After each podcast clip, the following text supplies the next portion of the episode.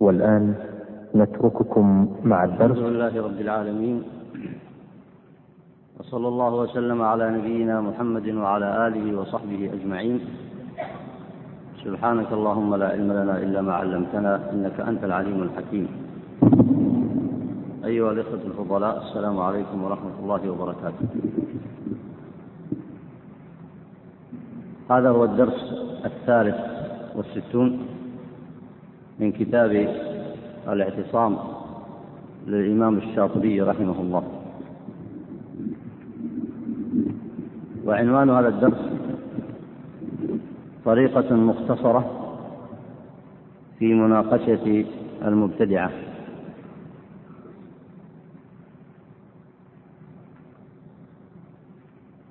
وخاصية هذا الكتاب كما سبق معكم خاصية كتاب الاعتصام أنه ناقش فيه ما أحدثه الناس في أمر دينهم سواء أكانوا في ذلك متأثرين ببدع أهل الكتابين من اليهود والنصارى وغيرهم أو كانوا قد أحدثوا هذه البدع من عند أنفسهم.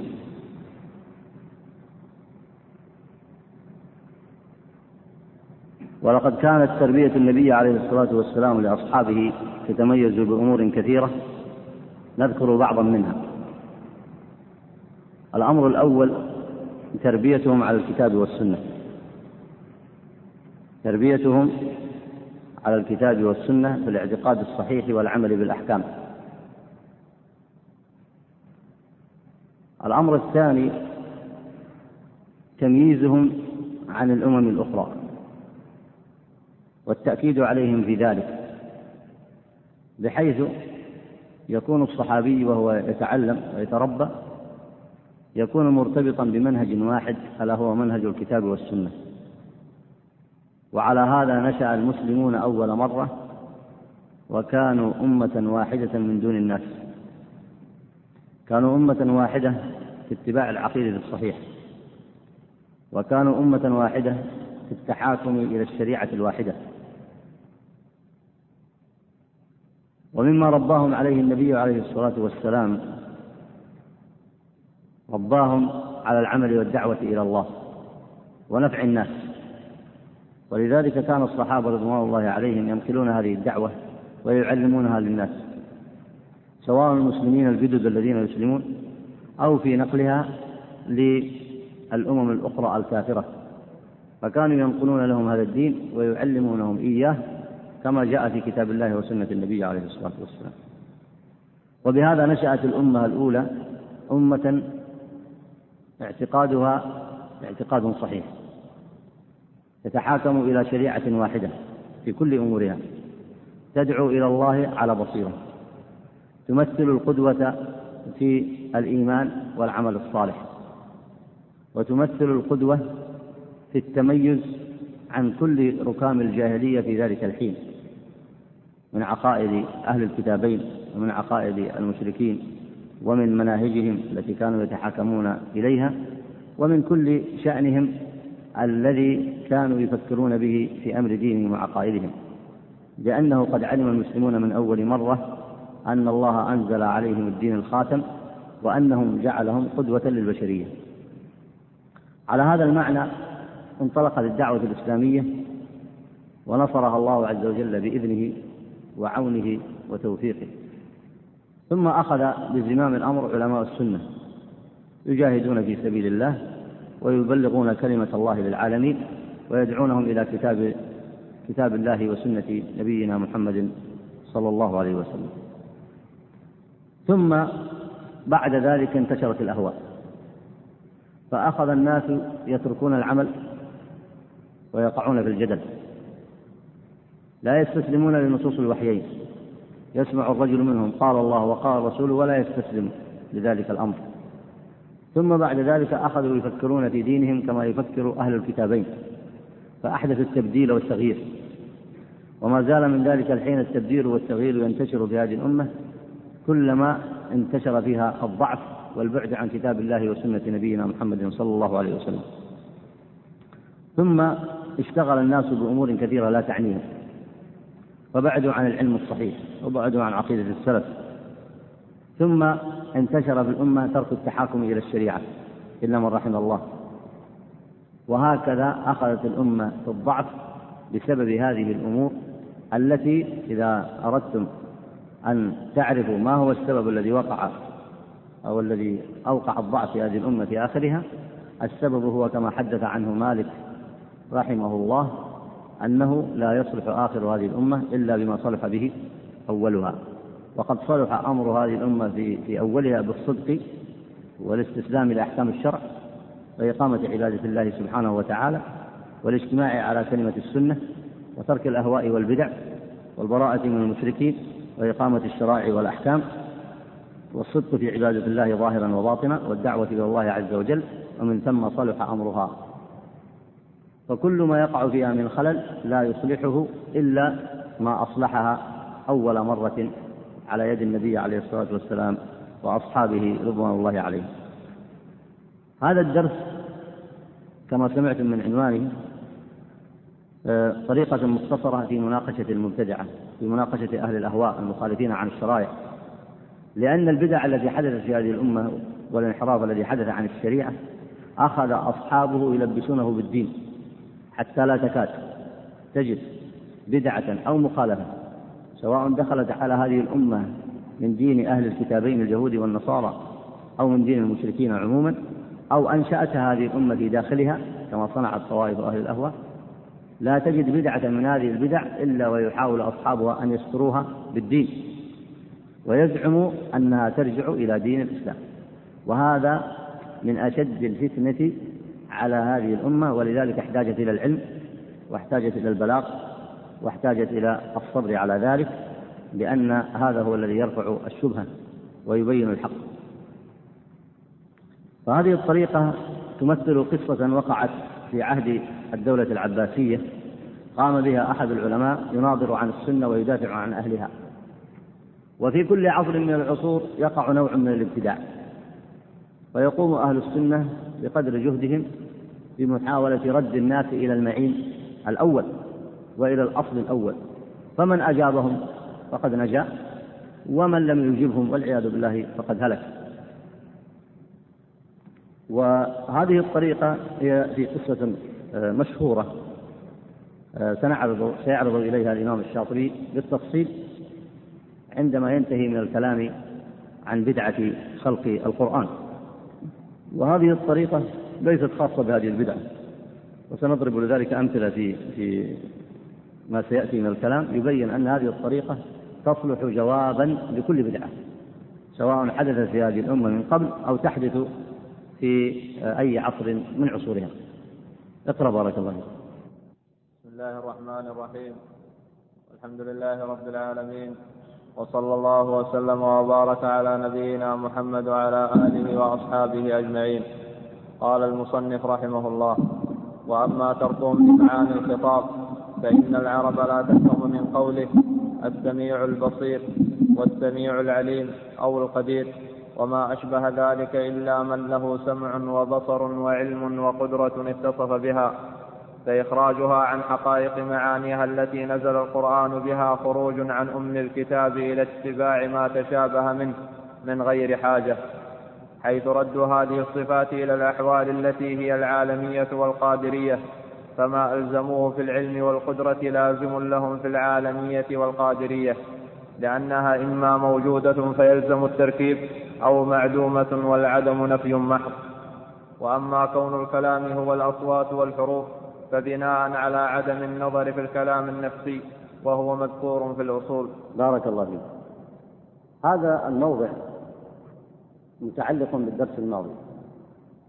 وقد سبق معكم الدرس الماضي بيان أن اعتقاد أهل السنة والجماعة في الصفات هو إثباتها كما أثبتها الله عز وجل في كتابه وسنة نبيه صلى الله عليه وسلم. والثمرة التي تترتب على ذلك هو الإيمان بتوحيد الأسماء والصفات. ولذلك التوحيد عند أهل السنة وعند من تبعهم عند أهل السنة والمقصود بذلك الصحابة والتابعين ومن تبعهم بإحسان إلى يوم الدين هو التعرف على الله عز وجل من خلال أسمائه وصفاته والإقرار بها وإثباتها كما أثبتها الله سبحانه وتعالى في كتابه وسنة نبيه صلى الله عليه وسلم. وهذه المعرفة تورث الإنسان تورث الإنسان إيمانا بالله ويقينا جازما وتورثه محبة وخشية لله سبحانه وتعالى. فإلهه هو العليم وهو القدير وهو الخالق وهو الرازق وهو المتصرف وهو المدبر. ولذلك كان الصحابة رضوان الله عليهم يؤمنون بهذه الصفات ويتأثرون بها ويزدادون بها إيمانا. توحيد الربوبية هو الإقرار ب هو عبادة الله عز وجل توحيد الربوبية وتوحيد الألوهية وتوحيد الأسماء والصفات وتقرير العبادة لله وحده. أما توحيد الربوبية وهو إفراد الله عز وجل بأفعاله سبحانه وتعالى من الخلق والرزق والتدبير. ومعنى الإفراد هنا معنى الإفراد هو أن يعتقد الإنسان اعتقادا جازما أن الله عز وجل هو الواحد في ذلك كله فلا خالق معه ولا رازق معه ولا مصرف ولا مدبر. ولذلك هذا الإيمان يورثه التعلق بالله ويحمله على عبادة الله. وتكون هذه العبادة على بصيرة. فيكون حينئذ توحيد العبادة وتوحيد الألوهية وهو أن يصرف أعماله الظاهرة والباطنة لله سبحانه وتعالى. وكل ذلك وهو يؤمن بصفات الله صفات الكمال. وهذا هو النفي والإثبات في قول الله في في الشهادة في قولنا نشهد أن لا إله إلا الله. إذا قال المسلم أشهد أن لا إله إلا الله فيقصد أن يثبت يثبت لله عز وجل العبادة وينفيها عما سواه. وكذلك في توحيد الربوبية تثبت الخلق والرزق لله وتنفيه عما سواه. وكذلك في صرف العبادة كالصلاة والزكاة والصيام والإنابة والخشية وغير ذلك من سائر العبادات تثبتها لله وتنفيها عما سواه. وكذلك في توحيد الأسماء والصفات إثبات ونفي. تثبت صفات الكمال لله وتنفي صفات الكمال عن سواه. وتثبت ما أثبته الله لنفسه وتنفي ما نفاه الله عن نفسه. بهذا الاعتقاد استقر أمر التوحيد والعمل بالشرائع والأحكام والاستقامة على دين الله عز وجل عند الصحابة والتابعين ومن تبعهم بإحسان. لما نشأت الأهواء كثرت البدع فهناك من يخالف في نوع من أنواع هذا التوحيد. يخالف فيه. فمنهم من يصرف العبادة لغير الله عز وجل ولا يعتبر ذلك شركا بل قد يسميه توحيدا. وهناك من ينفي بعض الصفات عن الله كما ذكر المصنف هنا. فالمعلوم من كتاب الله أن الله أثبت لنفسه السمع والبصر وهو السميع العليم وهو القدير. فجاء أهل الأهواء فنفوا هذه الصفات فيعتقدون في ربهم أنه لا سمع له ولا بصر ولا علم ولا قدرة. وهذا كلام إذا ذكر لمن لم يطلع على أخبارهم تعجب منه. وسيقول أي شيء أي شيء يعبد هؤلاء؟ هل يعبدون شيئا عدما؟ وهكذا قيل لهم. قالوا قيل لهم إذا نفيتم صفات الله عز وجل فكأنكم تعبدون عدما. فكأنكم تعبدون عدما. لأن الإله لا يكون إلها إلا إذا كان موصوفا بصفات الكمال. ثم أخذوا يثبتون صفات أحوال يقولون العالمية والقادرية. والذي حملهم على ذلك أنهم بزعمهم إذا أثبتوا صفة السمع والبصر والعلم أنهم يشبهون الله بخلقه. والجواب على شبهتهم هذه هو قول الله عز وجل ليس كمثله شيء وهو السميع البصير. فلو أنهم أخذوا بذلك لكفاهم. لو أنهم أخذوا بذلك لكفاهم. لكن المشكلة عند هؤلاء أنهم لا يستسلمون لنصوص الوحيين. ومن لم يستسلم لنصوص الوحيين فإنه لا يرجى له اعتقاد صحيح كما أنه لا يرجى له عمل صحيح. أما قول المصنف هنا آه، فيلزمهم آه، لأنها إما موجودة أي هذه الصفات قال فيلزمهم الترتيب في دعواهم أي أنهم يتهمون أهل السنة بأنهم يذكرون صفات جزئية لله. والصحيح أن أهل السنة يثبتون الصفات كما أثبتها الله عز وجل في كتابه وسنة نبيه. وإثباتها لا على وجه التشبيه بل إثباتها لله عز وجل على وجه يليق بجلاله على وجه يليق بجلاله. وأما قول المصنف هنا في الكلام النفسي فهذا هو مذهب الأشاعرة يثبتون الكلام ويقولون أنه هو الكلام النفسي والصحيح أن الكلام الذي أثبته الله لنفسه هو الذي تكلم به سبحانه وتعالى وسمعه منه جبريل وسمع النبي عليه الصلاة والسلام كلام ربه من جبريل ثم بلغه لأصحابه وبلغه لأمته عليه الصلاة والسلام. اقرأ بارك الله فيك.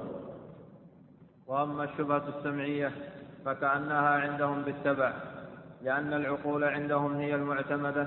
ولكنهم يلزمهم بذلك الدليل مثل ما فروا منه لأن قوله الله خالق كل شيء إما أن يكون على عمومه لا يتخلف عنه شيء أو لا فإن كان على عمومه فتخصيصه إما بغير دليل وهو التحكم وإما بدليل فأبرزوه حتى ننظر فيه ويلزم مثله في الإرادة ردوا الكلام إليها. وكذلك غيرها وكذلك غيرها من الصفات إن أقروا بها أو الأحوال إن أنكروها. وهذا الكلام معهم بحسب الوقت. والذي يليق بموضوع المسألة أنواع أخر من الأدلة التي تقتضي كون, كون هذا المذهب بدعة لا يلائم قواعد الشرع. بارك الله فيك. قول المصنف هنا وهذا الكلام معهم بحسب الوقت. هذا فيه حكمة في البيان والتربية. لأن الجدليات هذه ملئت بها كتب كثيرة وسماها الناس في عهدهم الذين أخذوا بها علم الكلام. وعلم الكلام هذا سمي أنه علم الكلام لأن لكثرة ما فيه من الكلام الذي لا فائدة فيه. فقول المصنف هنا وهذا الكلام منهم معهم بحسب الوقت أي أن مثل بيان هذه الأمور بحسب الحال. وهناك من تبين له اعتقاد أهل السنة بصورة مجملة. وقد آه، ترفع عنه الشبهة إذا طرأت عليه بصورة مجملة. وهناك من يحتاج إلى التفصيل. لكن كل ذلك بحسب حال المكلف وبحسب حال الوقت. والذي ينبغي أن آه، يتذاكره الناس هو إثبات توحيد الأسماء والصفات كما أثبتها الله عز وجل في كتابه وكما أثبتها النبي عليه الصلاة والسلام. وأن يكون ذلك موجب لعبادة الله عز وجل في توحيد عبادته والاستقامة على شريعته. أما في مناقشة مثل هذه الشبهة التي ذكرها المصنف فيكفي فيه ما أشرت إليه في الدرس الماضي من تفسير قول الله تعالى الله خالق كل شيء. فإن العلماء ذكروا فيها أن هذا العموم شامل لكل شيء سوى الله.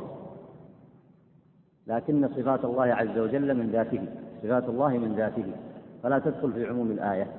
وقد ذكرت في ذلك كلام علماء العربية وذكرت كلام السلف في هذا فلا أعيده هنا. من شاء فليرجع إليه في الشريط في الدرس الماضي.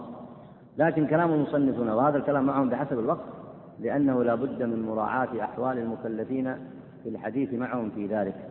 ولذلك كان من شأن عقيدة السلف أنها حنفية سمحة يذكرون فيها أصول الإيمان ويذكرون فيها أركان الإسلام ويبينون فيها وجوب التحاكم إلى الشرائع ويبينون التوحيد الذي أمر الله عز وجل به ويحذرون من الشرك وقد يجاوبون جوابا مجملا أو مفصلا بحسب الحال والوقت عند درء بعض الشبه. التي آه، نشرها أهل الأهواء.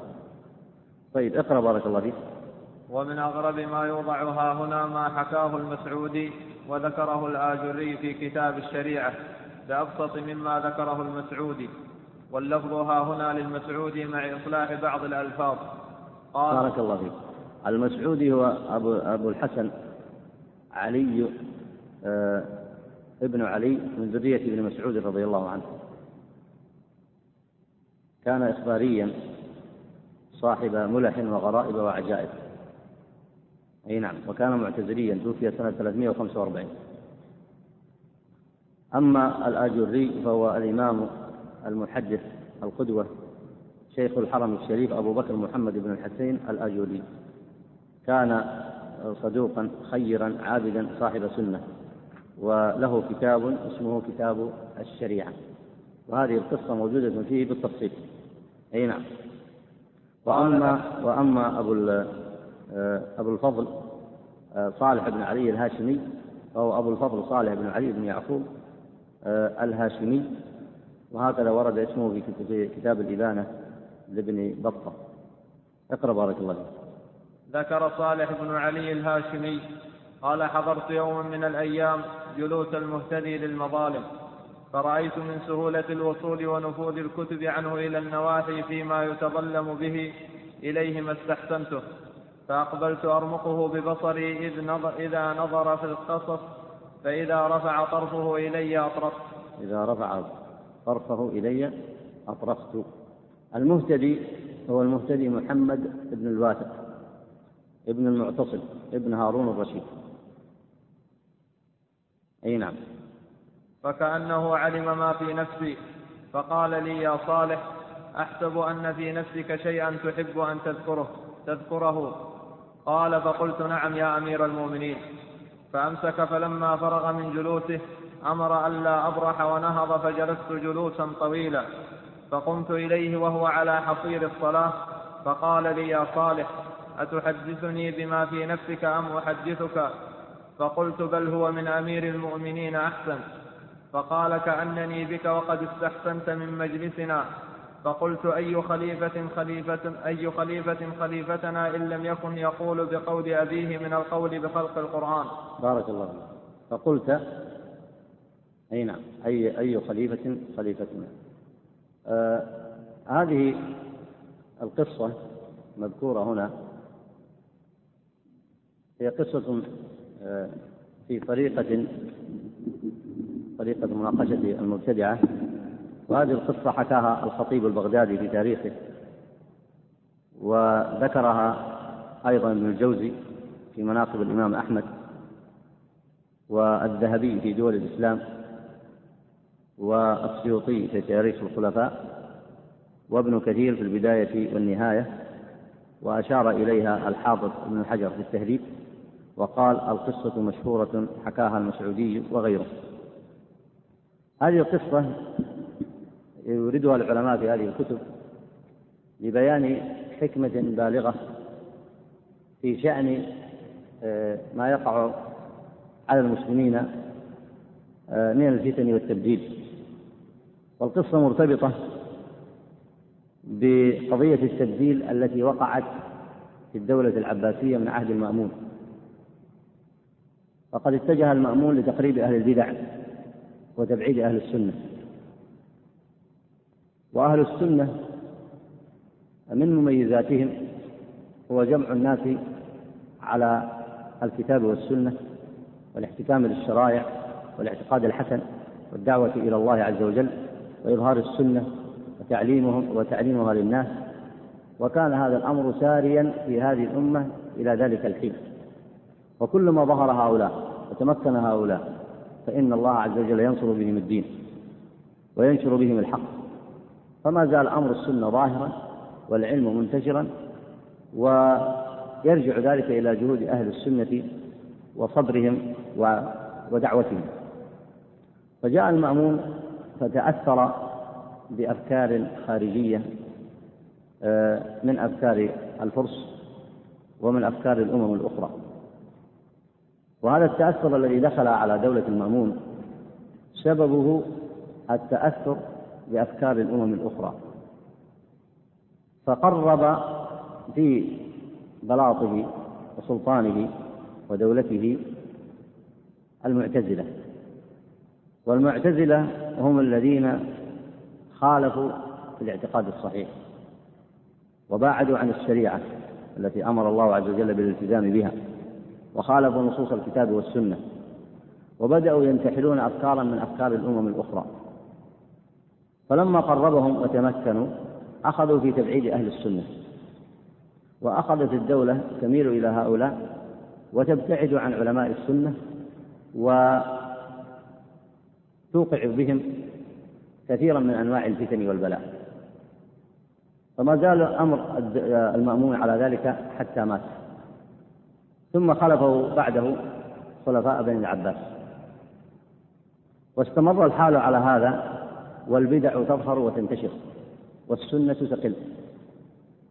لأنه مع قلة العلم الشرعي وضعف أهل السنة انتشرت البدع وظهرت وتطايرت في الناس وابتعد الناس عن الشريعة. وكل ذلك بسبب إضعاف علماء السنة وإضعاف دعوتهم. فلما استمر الأمر على هذا الحال وصل الأمر إلى الواثق فكان صدرا من حياته ينتحل تلك الأهواء ويضيق على علماء السنة. ثم هداه الله عز وجل في آخر عصره. ثم جاء بعده المهتدي وهو الذي يذكر الشاطبي هنا قصته فيما ذكره صالح بن علي الهاشمي. والمهتدي كان صاحب سنة. لأنه استلم أمر الدولة العباسية وقد بدأت تعيد أهل السنة إلى أماكنهم فيظهرون الحق والدعوة ونشر الهدى.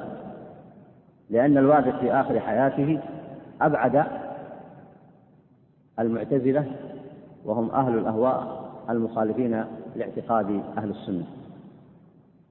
ومما يحسن ذكره هنا أن الدولة العباسية تعرضت لنوعين من التبديل ولكن لغلبة الإسلام وانتشاره كان الأمر محدودا. فمن ذلك فتنة البرامكة وهؤلاء يشبهون الزنادقة الذين يظهرون الإسلام ويبطلون النفاق. وهؤلاء يتمكنوا في الدولة فأفسدوا فيها فسادا كبيرا.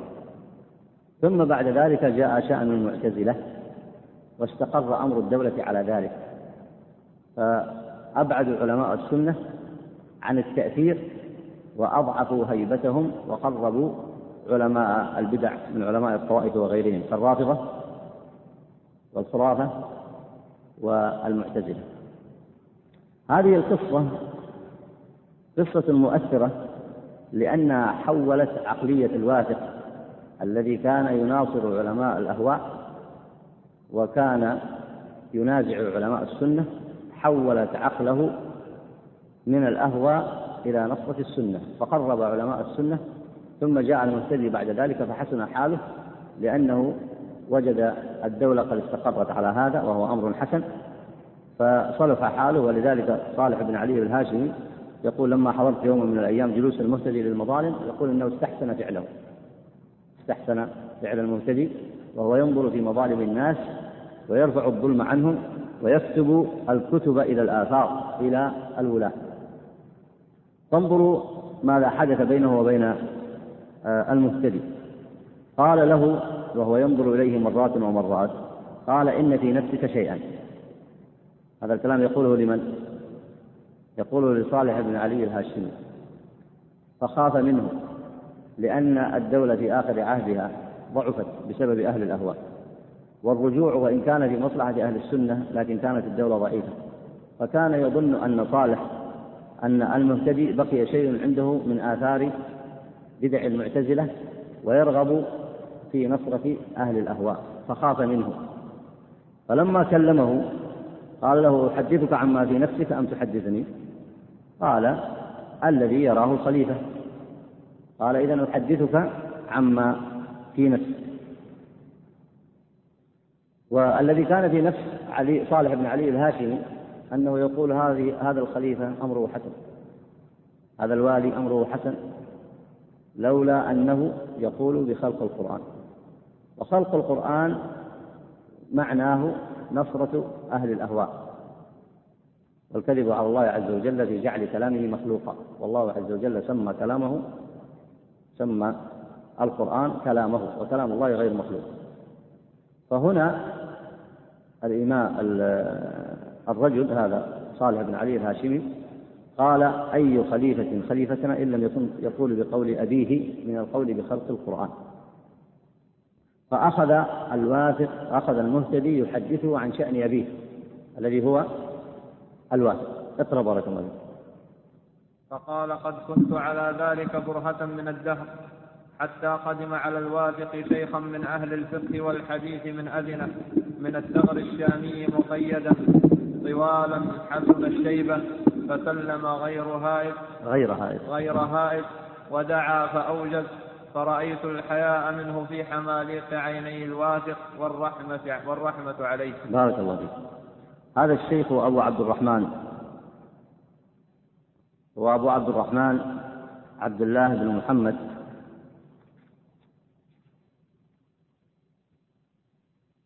ابن إسحاق الأضرمي كما نص على ذلك الخطيب ابن الجوزي وهو أحد شيوخ أبي داود والنسائي من رواة الحديث الثقات. قال عنه أبو حاتم كان ثقة من العباد الصالحين. أقام بأذنه حتى مات. أذن هذه من الثغور. ولعلها اليوم إن إن صح ما أقوله هنا لعلها هي أضنة التي في تركيا لأن المسلمين كانوا على ثغور الروم يجاهدون في سبيل الله. وكانت تلك الثغور مليئة بأهل السنة كما أن ديار المسلمين يقوم فيها علماء السنة يدعون إلى الله. وحتى الثغور كان في بعض الثغور مثلا بعض الثغور في في هذه المناطق كان يرأسها النسائي. وكان يعلمون الناس الحديث ويتعبدون في المساجد. وينشرون السنة ويجاهدون في السنة في الصيف والشتاء. وبين كل معركة ومعركة يأخذون فترات طويلة يتعلمون فيها العلم ويتعبدون الله عز وجل. لكن أهل الأهواء أشغلوا أهل السنة. أشغلوا أهل السنة وحرضوا عليهم. حرضوا عليهم الدولة وأشغلوا أهل السنة عن أداء مهمتهم ودعوتهم إلى الله سبحانه وتعالى. انظروا لهذا الشيخ الذي أتى كما قال هنا قال أتى مقيدا ثم وصف حاله. قال رجل قال أتى هنا مقيدا طوالا حسن الشيبة فسلم غير هائل مع أنه أتي به بالقيد. ومعنى أنه أتي به بالقيد أنه انتزع من بين أهله مظلوما وقيد وحمل إلى دار الخلافة ليمتحن في عقيدته فإن أجاب أهل الأهواء. وناصر المبتدعة فإنهم سيطلقونه سيتركونه. وإن بقي على ما يرى أنه الحق متبعا للكتاب والسنة داعيا إليها فإنه ستناله العقوبة. ولذلك لما دخل قال فرأيت الحياء منه في حماليق عيني الواسع فسلم غير هايب ودعا فأوجد. فرأيت الحياء منه في حماليق عيني الواثق استحى منه شيبة. حتى هذا الشيبة لم يتركوه. ولو تركوه في الثغور لكان في ذلك محققا لمصالح المسلمين. يتعلم ويعلم ويجاهد في سبيل الله ويقيم مصلحة من مصالح المسلمين ويأمن في أهله وماله. فلما رآه الواثق استحيا منه. يقول فرأيت الحياء منه في حماليق عيني الواثق والرحمة عليه أي أنه أشفق عليه. أي نعم. اقرأ بارك الله فقال يا شيخ أجب أبا عبد الله أحمد بن أبي دؤاد عما يسألك عنه. فقال يا أمير المؤمنين أحمد يصغر ويضعف ويقل عند المناظرة. بارك الله فيك. أحمد بن أبي دؤاد هذا رجل من أهل الأهواء تمكن في الدولة وأصبح يؤثر على قرارها ووجهتها وهو الذي حمل الدولة على إبعاد أهل السنة وتقريب أهل الأهواء. ولا شك أن شره على الدولة كان مستطيرا لأن المؤرخين يقولون إن الدولة العباسية ما زالت في ضعف لما ابتعدت عن عن علماء السنة. ما زالت تتردى من ضعف إلى ضعف حتى زالت. وزوالها بسبب تقربها من علماء الخرافة والرافضة. فما زال شأنها في انحسار وضعف حتى زالت بسبب بعدها عن علماء السنة ونصرتها لكتاب الله وسنة نبيه صلى الله عليه وسلم. وسبب ترك ترك نصرتها لكتاب الله وسنة نبيه صلى الله عليه وسلم. هذا آه تقدم الشأن به أحمد بن أبي دؤاد من المعتزلة حتى تمكن في بلاط الخلافة. فلما دخل الرجل فقال أجبه عما يسألك أي عن عقيدتك؟ فقال يا أمير المؤمنين أحمد أي ابن أبي دؤاد يصغر ويضعف ويقل عند المناظرة. والكلام في بهذه الصورة هو أمام رجل قد يمثل أعلى رجل بعد الخليفة وأبنائه في الدولة. يعني رجل متمثل لو أمر بقتل هذا الرجل لتحقق له ما يريد إلا أن يشاء الله. ومع ذلك هذا هذا الرجل الشايب كبير السن. أول ما دخل قال فسلم غير هائب وهذا يدل على ثبات على ثبات قلبه. ثم تكلم بكلام عظيم. لا أحد يجره عليه. قال أحمد يصغر ويضعف. ويقل عند المناظرة. فغضب عليه الواثق. اقرأ بارك الله فيك. فرأيت الواثق وقد صار مكان الرحمة عليه والرقة له غضبا. فقال أبو عبد الله يصغر ويضعف ويقل عند مناظرتك. فقال هون عليك يا أمير المؤمنين. أتأذن لي في كلامه؟ فقال له الواثق قد أذنت لك. فأقبل الشيخ على أحمد. يعني آه طلب هذا الشيخ أن يجيب عما يسأل عنه. فيقول إن كنت تعرف إن كنت تريد أن تعرف صدق ما أقول فخلي بيني وبينه. فبدأت المناظرة بعد أن أذن فيها الوافد هنا نعم. فأقبل الشيخ على أحمد فقال يا أحمد. على أحمد. إيه؟ على أحمد فقال يا أحمد إلى ما دعوت الناس؟ فقال أحمد إلى القول بخلق القرآن. فقال له الشيخ مقالتك هذه التي دعوت الناس إليها من القول بخلق القرآن أداخلة في الدين فلا يكون الدين تاما إلا بالقول بها؟ قال نعم. قال الشيخ فرسول الله صلى الله عليه وسلم دعا الناس إليها أم تركهم. قال لا. قال له يعلمها أم لم يعلمها؟ قال علمها. قال فلم دعوت الناس إلى ما لم يدعهم رسول الله صلى الله عليه وسلم إليه وتركهم منه. فأمسك فقال الشيخ يا أمير المؤمنين هذه واحدة. أي هذه واحدة محسوبة عليه لأنه لم يجب. انظر كيف رتب هذه الأسئلة. السؤال الأول هو جيء به لماذا؟ جيء به ليوافق على أهواء أحمد ابن أبي دواد وأهواء الوافق طلب منه أن يصنع ذلك. وإلا فهو شيخ يقيم السنة ويدعو إلى كتاب الله ويؤدي ما عليه مما أوجب الله عليه. فلما أخذوه أرادوا أن يحملوه على رأيهم فقال هذا رأيكم الذي تحملون عليه وتدعوني إليه. لأوافق رأيكم الذي رأيتموه. هذا الرأي الذي تدعوني إليه. وهذه المقالة داخلة في الدين فلا يكون الدين تاما إلا بالقول بها؟ قال نعم. أرأيت لو قال لا؟ تكون قد انتهت المناظرة من أول الوقت. كذا ولا لا؟ لأن إذا إذا لم تكن من الدين فلماذا تؤاخذون الناس بها؟ ولماذا تحملونهم عليها؟ لكن أبو دؤاد ما استطاع يقول لا. قال نعم داخلة في الدين. نقله نقلة أخرى. طبعا هذه المناظرة تفيدك في كل بدعة تسمع بها. كل بدعة ما هو بس في هذا؟ في أي مقالة تخالف الكتاب والسنة. لك الحق أن تقول لصاحبه هذه المقالة التي تخالف الكتاب والسنة سواء من البدع القديمة أو من البدع الجديدة التي ذكرها الشاطبي سواء من بدع أهل الكتابين النصارى سواء من بدع أهل الأهواء داخل هذه الأمة سواء مما يتعلق بالإرجاء. أي بدعة من البدع التي استحدثها استحدثها أهل الخرافة استحدثها أهل التصوف أي بدعة من البدع من حقك أن تعرضها على هذه المناقشة. وإذا عرضتها على الإنسان فلن يستطيع أن يمضي مع الأسئلة إلا بهذه الصورة. فخذ مثلا بدعة أن أن الإسلام والتوحيد هو النصر وأن عبادة القبور ليست مخالفة للدين أو أن الطواف بها إنما هو تعظيم للصالحين ومحبة لله محبة لهم. فأين الشرك؟ خذ بدعة المولد مثلا. خذ ما يتعلق بالإرجاء. خذ ما يتعلق مثلا بالتكفير بالمعاصي دون الشرك. خذ ما يتعلق مثلا بكثير من البدع اللي لبست في الدين مثل بدع العلمانيين خذ أي بدعة من البدع التي يضلل الناس بها ويدعون إليها. فاسأل صاحبها مقالتك هذه التي تدعو الناس إليها أو تحرض الناس عليها أو آه، ترغب في أن يتبعوك الناس عليها. هل هي من الدين أم ليست من الدين؟ إذا قال ليست من الدين فليس له حق أن يلزمك بها كائنا من كان.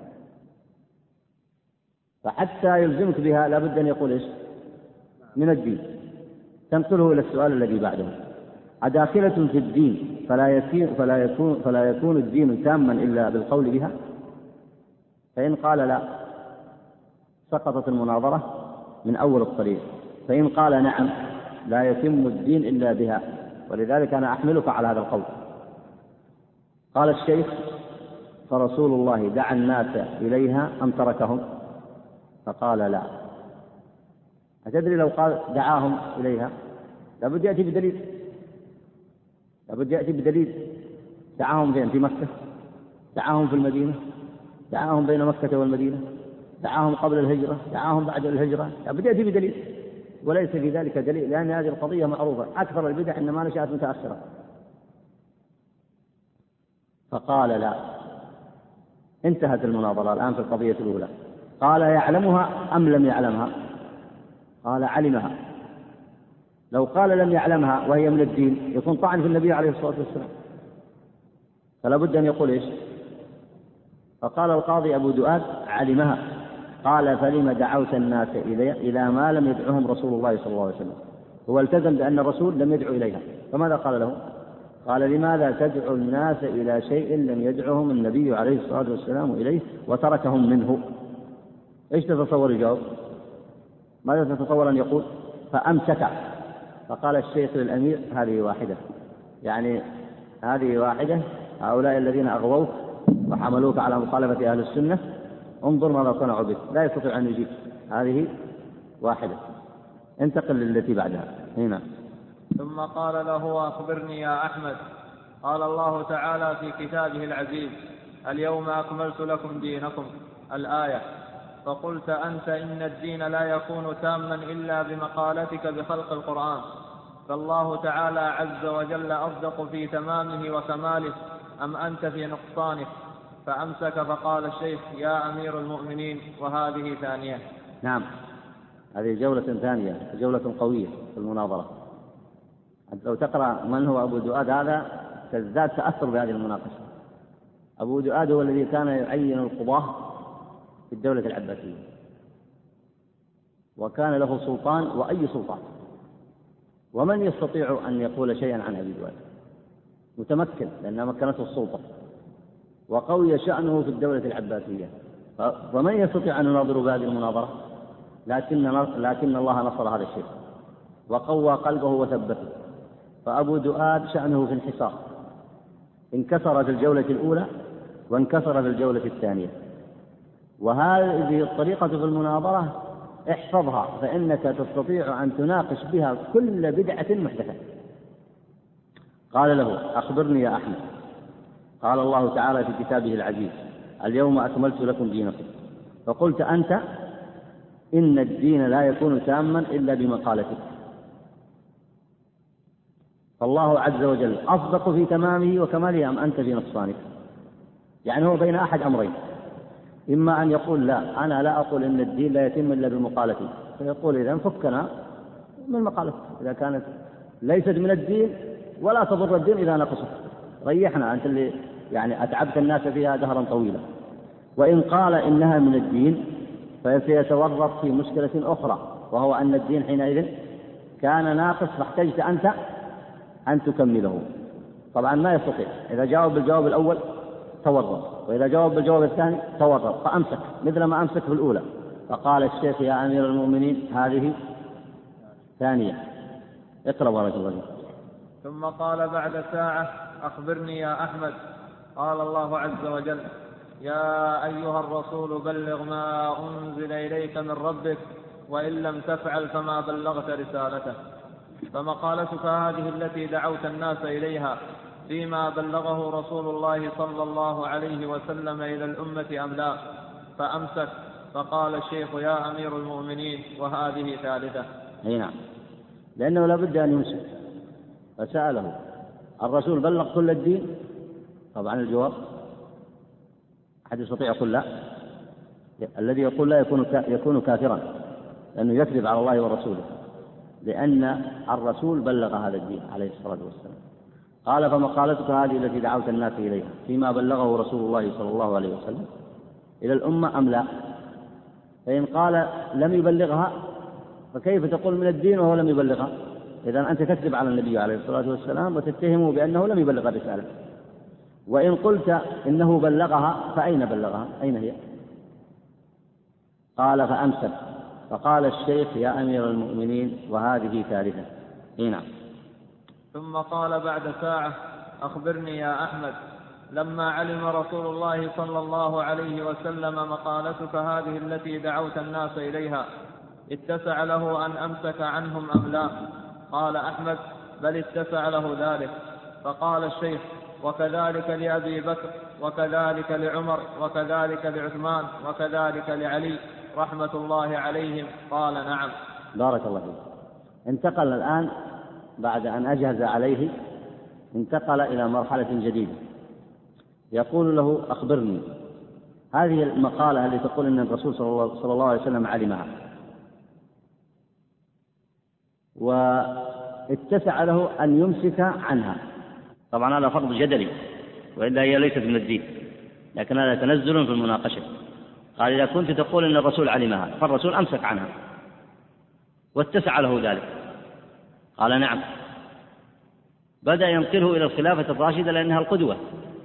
الخلافة الراشدة أهل سنة واتباع وشريعة واحدة وولاء لله ورسوله ونصرة للدين. فلما لا يمضي هؤلاء على طريقهم؟ ويعبدون الله بصدق. وينصرون أهل السنة ويحاربون البدع والأهواء. فقال له يذكره بهذه القاعدة الصلبة في الإسلام هل هؤلاء وسعهم أن يتركوا ما أنتم فيه من الأهواء؟ قال نعم. هنا انتهت المناقشة. التفت إلى من؟ إلى الواثق الذي كان يستمتع بأبي دؤاد وأبو دؤاد يستمتع به يستمتع بعضهم ببعض. وعلى حساب من؟ على حساب أهل السنة. يضعفونهم ويؤذونهم. فتأمل هنا قال فصرف وجهه إلى الواثق. اقرأ بارك الله فصرف وجهه إلى الواثق وقال يا أمير المؤمنين. يا أمير المؤمنين. يا أمير المؤمنين. إذا لم يتسع لنا ما اتسع لرسول الله صلى الله عليه وسلم ولأصحابه فلا وسع الله علينا. فقال الواثق نعم لا وسع الله علينا إذا لم يتسع لنا ما اتسع لرسول الله صلى الله عليه وسلم ولأصحابه. هذه نتيجة المناظرة وهي نتيجة آه، كريمة وقول حق فصل. أدى الله عز وجل له هذا الشيء. فلما قضى على ذلك على على القاضي أبو دؤاد الذي فتن ذلك الأمير وضلله وحمله على أن يصنع بأهل السنة ما يصنع التفت إليه. فقال له إذا لم يتسع لنا ما اتسع لأبي بكر لرسول الله صلى الله عليه وسلم وأبي بكر وعمر وعثمان وعلي أي من الاجتماع على الدين ونصرة السنة وترك المقالات المحدثة وترك المخالفة عن الشريعة وترك الأهواء إذا لم يتسع هذا لنا لا وسع الله علينا. فانتقل معه من بالتوجيه يلقنه الترهيب والترغيب وكلامه فيه قوة ولذلك أثر في نفسه.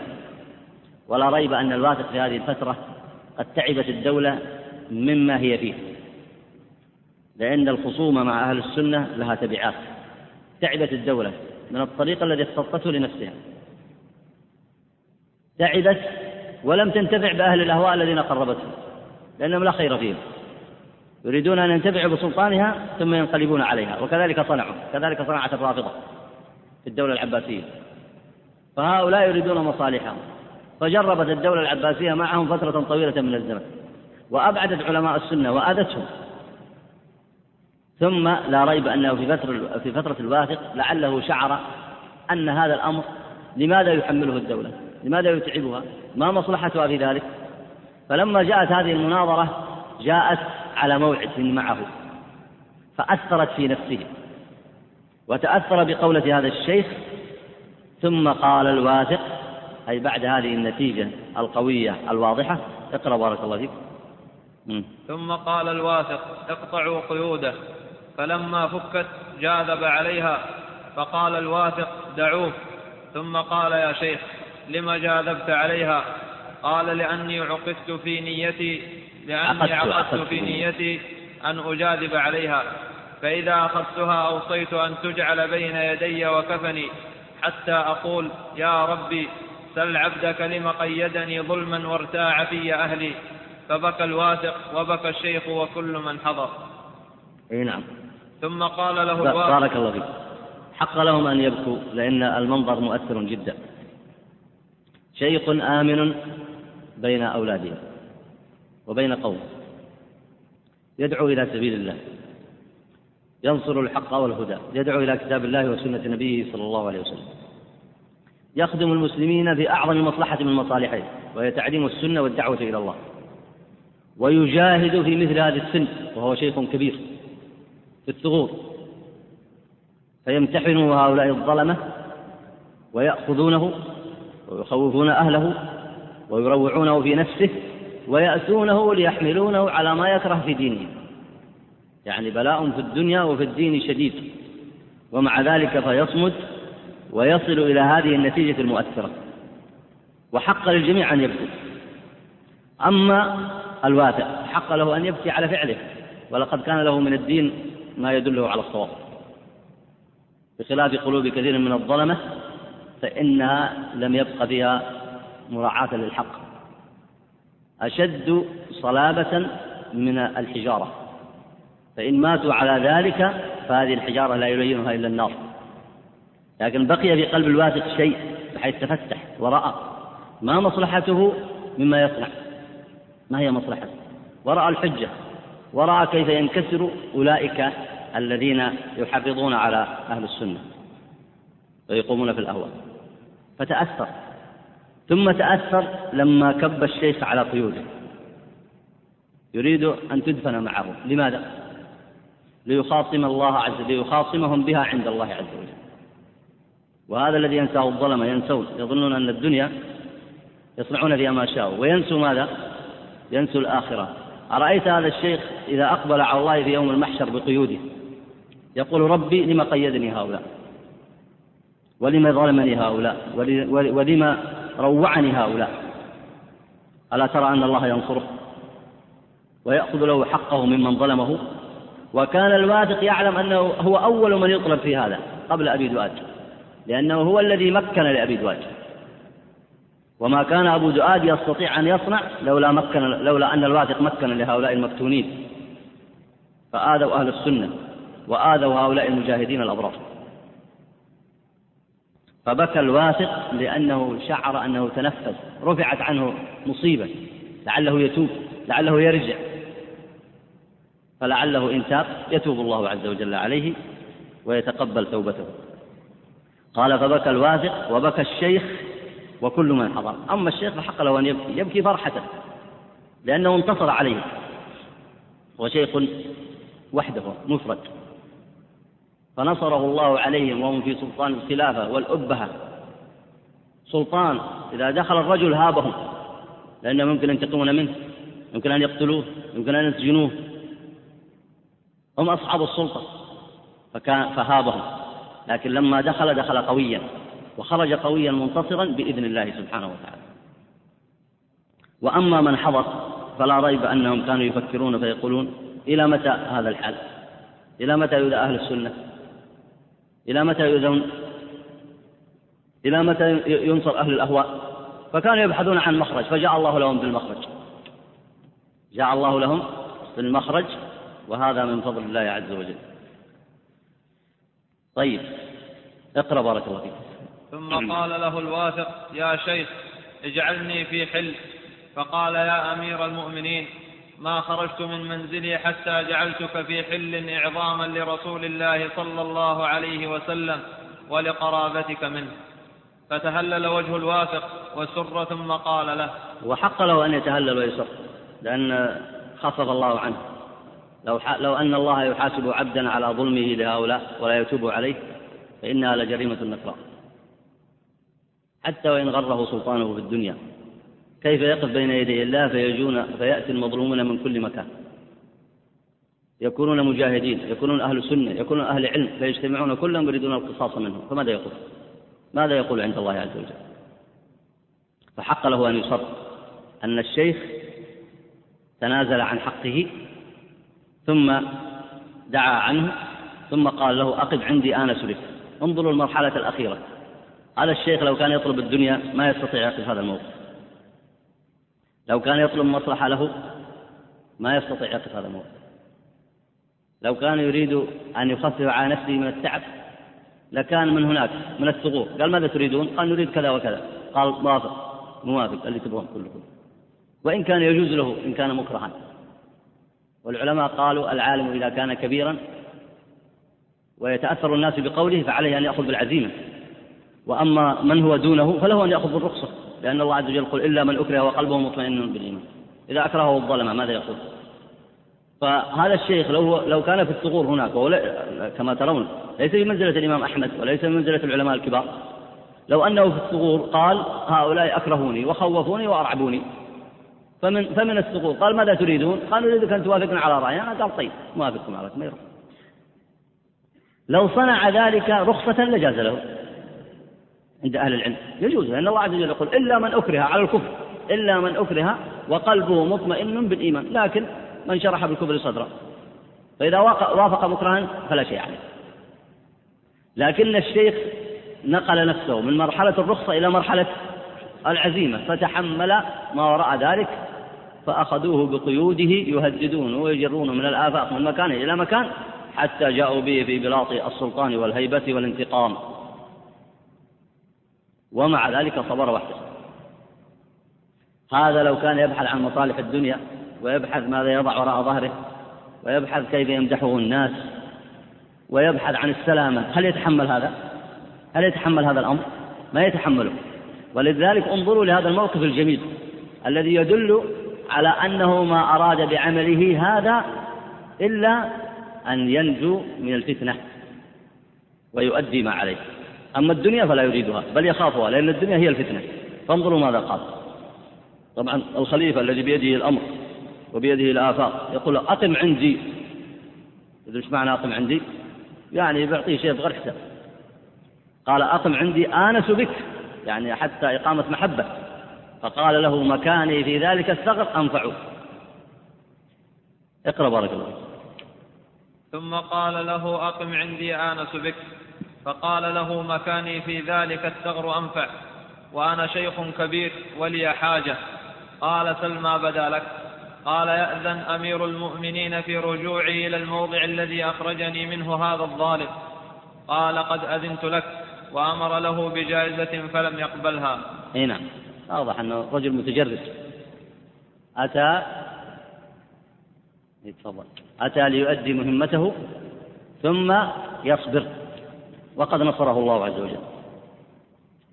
أي نعم.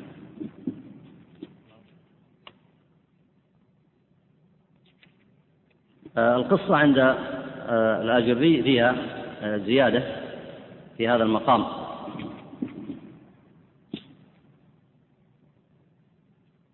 الزيادة في هذه القصة عند الأجري أنه قال فقال الشيخ يا أمير المؤمنين إن ردي إياي إلى الموضع إن ردك إياي إلى الموضع الذي أخرجني منه هذا الظالم أنفع لك من مقامي عليك أي من مقامي عندك وأخبرك بما في ذلك. أصير إلى أهلي وولدي وأكف دعاءهم عليك فقد خلفتهم على ذلك. أصير إلى أهلي وولدي أي في الثغور وأكف دعاءهم عليك فقد خلفتهم على ذلك. ولا ريب أن الشيخ قد نصح. صبر على الابتلاء ونصح لهم ثم يريد الخير بهم وهم لا يشعرون. انظر في آخر عبارته. يريد الخير بهم وهم لا يشعرون. وهذا الموقف هو شأن علماء السنة. إذا أخذوا بالعزيمة فإنهم يحتسبون ما يلقونه في سبيل الله عز وجل. ولاحظوا هنا أن المصلحة العظيمة تحققت من عمل هذا الشيخ. وقد يقول قائل في الثغور لماذا الشيخ تحمل هذه الحمالة؟ ولماذا أتعب نفسه؟ لو أنهم أعطاه كلمة أعطاهم كلمة واستراح ألم يكن خيرا له؟ وقد يقول أهله أيضا لماذا تكلف هذا وأتعبنا وقد يقول قائلون هذا وأكثر من هذا. ولكن الشيخ سعى في مصلحة للإسلام والمسلمين. ونحسبه أنه كان صادقا فيها لدلالة ما رأيته فنفعه الله عز وجل بها ولم يجعل عاقبة أمره إلا خيرا ونفع الله عز وجل به المسلمين وكتب على يديه الخير لأن الواثق من تلك الفترة رجع عن مقالته فبقي في خلافته وقد رجع فبدأ يقرب علماء السنة ثم جاء المهتدي بعد ذلك فأخذ يقرب علماء السنة فرجعوا جميعا عن مقالتهم. وإن كانوا بسبب أنهم أطالوا في, في فيها وأكثروا من تقريب أهل الأهواء لم يتمكنوا في آخر عهدهم إلا وقد سبقهم القدر فغير الله عز وجل ما بهم بسبب ما صنعوا فرجوع الواثق إنما جاء بعد أن ضعفت الدولة وتفككت أوصالها وتمكن فيها أهل الأهواء من آه، أهل البدع فأصابها ما أصابها بقدر الله عز وجل كما قال الله عز وجل إن الله لا يغير ما بقوم حتى يغيروا ما بأنفسهم. اقرأ بارك الله فيك. فرجعت من ذلك الوقت. رجعت هذا كلام الواثق. قال فرجعت من ذلك الوقت. كلام المهدي عفوا كلام المهتدي. قال فرجعت من ذلك الوقت عن تلك المقالة. إي نعم. وأحسب أيضا أن الواثق رجع عنها. فتأملوا هذه الحكاية ففيها عبرة لأولي الألباب. وانظروا كيف يأخذ الخصوم في إفحامهم لخصومهم بالرد عليهم بكتاب الله وسنة نبيه صلى الله عليه وسلم. إي نعم. الرد بكتاب الله وسنة نبيه صلى الله عليه وسلم هو القاعدة. فمن كان عنده علم المفصل استفاد من كلام أهل السنة على التفصيل. ومن لم يكن عنده علم مفصل فليلتزم بكتاب الله وسنة النبي صلى الله عليه وسلم وليلتزم بهذه الطريقة فإنها طريقة جيدة ويسهل حفظها على الإنسان يسهل عليه أن يحفظها العبرة التي يشير إليها المصنف آه، نشير إلى بعضها هنا آه، منها البركة بالعلم وإن كان قليلا. هذا الشيخ لم يكن معروفا من أهل العلم الكبار. لكن الله عز وجل نفع, نفع به لما يعلمه فيه من الخير. أيضا تأثير الحجة القوية المرتبة المنظمة ولا ريب أن حجة الشيخ كانت مرتبة منظمة قوية. ومنها أنه لم يكن يطلب عندهم شيئا من الدنيا حتى يشغلوه بها بل كان متجردا ناصحا. آه، يمكن المقارنة بين أسلوب أهل الأهواء الذين يتربصون بأهل السنة وبين أسلوب أهل السنة ممكن أن نقارن أو نشير إلى بعض هذه النقاط. يتميز أسلوب أهل السنة أولا القوة في العلم والتأصيل مع المجادلة بالتي هي أحسن. ثانيا الإدراك لخطورة الانحرافات وأثرها على المسلمين. لا يهونون في الأمور كما يصنع كثير من المقصرين. وكثير من أهل الأهواء لا يهونون في الأمور بل يدركون واقع خطر الانحراف على هذه الأمة. ثالثا إقامة الحجة على الخصم وإتحامه. آه، من أسلوبهم أيضا إظهار الحق. رابعا إظهار الحق والقوة فيه مع التجرد والابتعاد عن زينة الحياة الدنيا وفتنة المال. وتلاحظون أن الشيخ لم يقبل العطية ولم يقبل المال كما صنع الشيخ بعد أن أدى ما عليه. من واجب النصيحة في أسلوب الترغيب والترهيب وهو أسلوب قوي ليس فيه مصانعة وليس فيه مداهنة وليس فيه مداراة. السادس الثبات على المبدأ وهو على مبدأه ومن مبدأ الشيخ الاستمرار على ما كان عليه ولذلك لم يحول وإلا لو أراد أن يصنع من نفسه شيئا في الدولة العباسية لصنع من نفسه شيئا لكن بقي على ما هو عليه. لأنه اطمأن على ما هو عليه ولذلك قال ردوني إلى الثغور. فالثبات على المبدأ من علامات أهل السنة وهو الذي أدى إلى نجاح هذا الشيخ في الابتلاء الذي تعرض له. النتيجة انتصار المجاهد الداعية على إمام من أئمة الباطل وانتصار السنة على البدعة. كما قال الله عز وجل يا أيها الذين آمنوا إن تنصروا الله ينصركم ويثبت أقدامكم.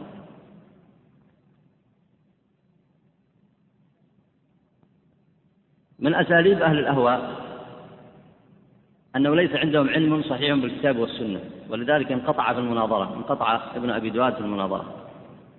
وكما قال الشيخ يضعفون ويصغرون عند المناظرة. من أساليبهم ظلم أهل السنة والاعتداء عليهم. من أساليبهم إشغال الأمة بالآراء البدعية والأهواء ومحاولة تعطيل دعوة أهل السنة وإضعافها. كما صنع هذا الظالم أبو دؤاد من تعطيل الشيخ عن مهمته التي كان فيها وتفزيع أهله وإخوانه. وفي الوقت نفسه أثر على اتجاه الدولة حتى ناصبت أهل السنة العداء وقربت المبتدعة والرافضة من المعتزلة والمعتزلة والزنادقة. من أساليبهم استعمال التهديد والتخويف لإضعاف كلمة الحق وحمل الناس على ترك الاعتقاد الصحيح. ولا ريب أن هذه الأساليب من سعى فيها أو من نصر أهلها فإنما يضعف نفسه. وكما قال الله عز وجل والعاقبة للتقوى. أكتفي بهذا المقدار وأجيب على هذه الأسئلة. آه، السؤال الأول يقول هنا آه، قوله هل آه، تفضلتم بشرح عبارة المؤلف وهي قوله لأنها إما موجودة فيلزم التركيب أو معدومة والعدم نفي محض. هذه لعلنا نشرحها في الدرس القادم إن شاء الله لأنها تتعلق ببحث جدلي في الصفات نجيب عليه ونبين أهل كلام أهل السنة على ذلك. يقول السائل هل هذه القصة بعد أو قبل؟ أو قبل فتنة الإمام أحمد؟ هذه القصة بعد آه، فتنة الإمام أحمد. هذه القصة لما يظهر لي أنها بعد فتنة الإمام أحمد رحمه الله تعالى. يقول هل هناك كتابا توصي به يشرح هذا الكتاب القيم؟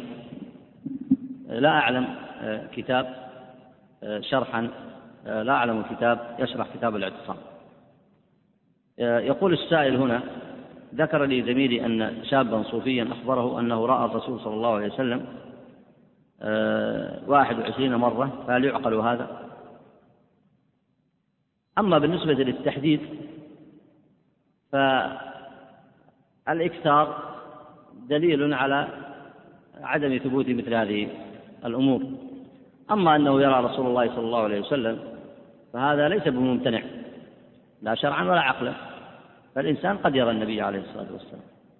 لكن اعلم يا عبد الله أن رؤية النبي عليه الصلاة والسلام ليست دائما آه، في مصلحة الرائي. فإن رآك النبي عليه الصلاة والسلام وهو مقبل عليك وظهرت بشائر في ذلك فهذا يدل إن شاء الله على أنك من أهل الخير.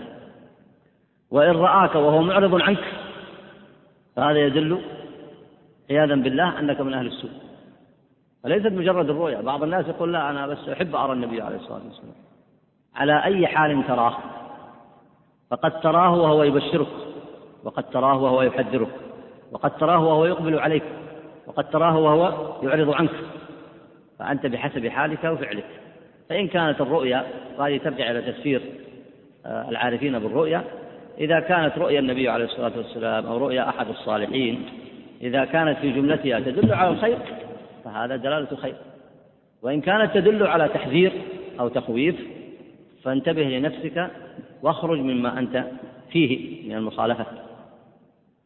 وأما رؤيا النبي عليه الصلاة والسلام فإن الشيطان لا يتلبس بالنبي عليه الصلاة والسلام. فمن رأى النبي عليه الصلاة والسلام حقا فقد رآه. لكن بشرط أن يعرف وصفه ما يتوهم لا يعرف وصف النبي صلى الله عليه وسلم. فيقول رأيت النبي وهو لم يرى النبي عليه الصلاة والسلام. فلا بد أن يرى النبي بوصفه الموجود في الكتب. ووصفه الموجود في الكتب إذا كنت لا تعرفه ولا بد أن تسأل عنه. فقد يتوهم الإنسان أنه رأى النبي وهو لم يره. وأما رؤيا النبي صلى الله عليه وسلم فحق فإن الشيطان لا يتمثل به كما قال النبي عليه الصلاة والسلام من رآني في المنام فقد رآني. فإن الشيطان لا يتمثل به أو كما قال النبي عليه الصلاة والسلام. لكن كما قال العلماء لابد أن تعرف وصفه حتى إذا سألت الرأي الرائي آه، آه، الذي يفسر الأحلام ممن يكون عارفا بها إذا سألته قال نعم الذي رأيته هو هو النبي عليه الصلاة والسلام. ثم لا بد أن يعرف أيضا على أي حال رأيته. فإن رأيته على حال إقبال وسرور فهذا يقول لك ابشر بخير. وإن رأيته وهو يعرض عنك أو يحذرك فيقول لك إياك إياك. احذر من مخالفة سنته عليه الصلاة والسلام. هذا وصلى الله وسلم على نبينا محمد وعلى آله وصحبه أجمعين.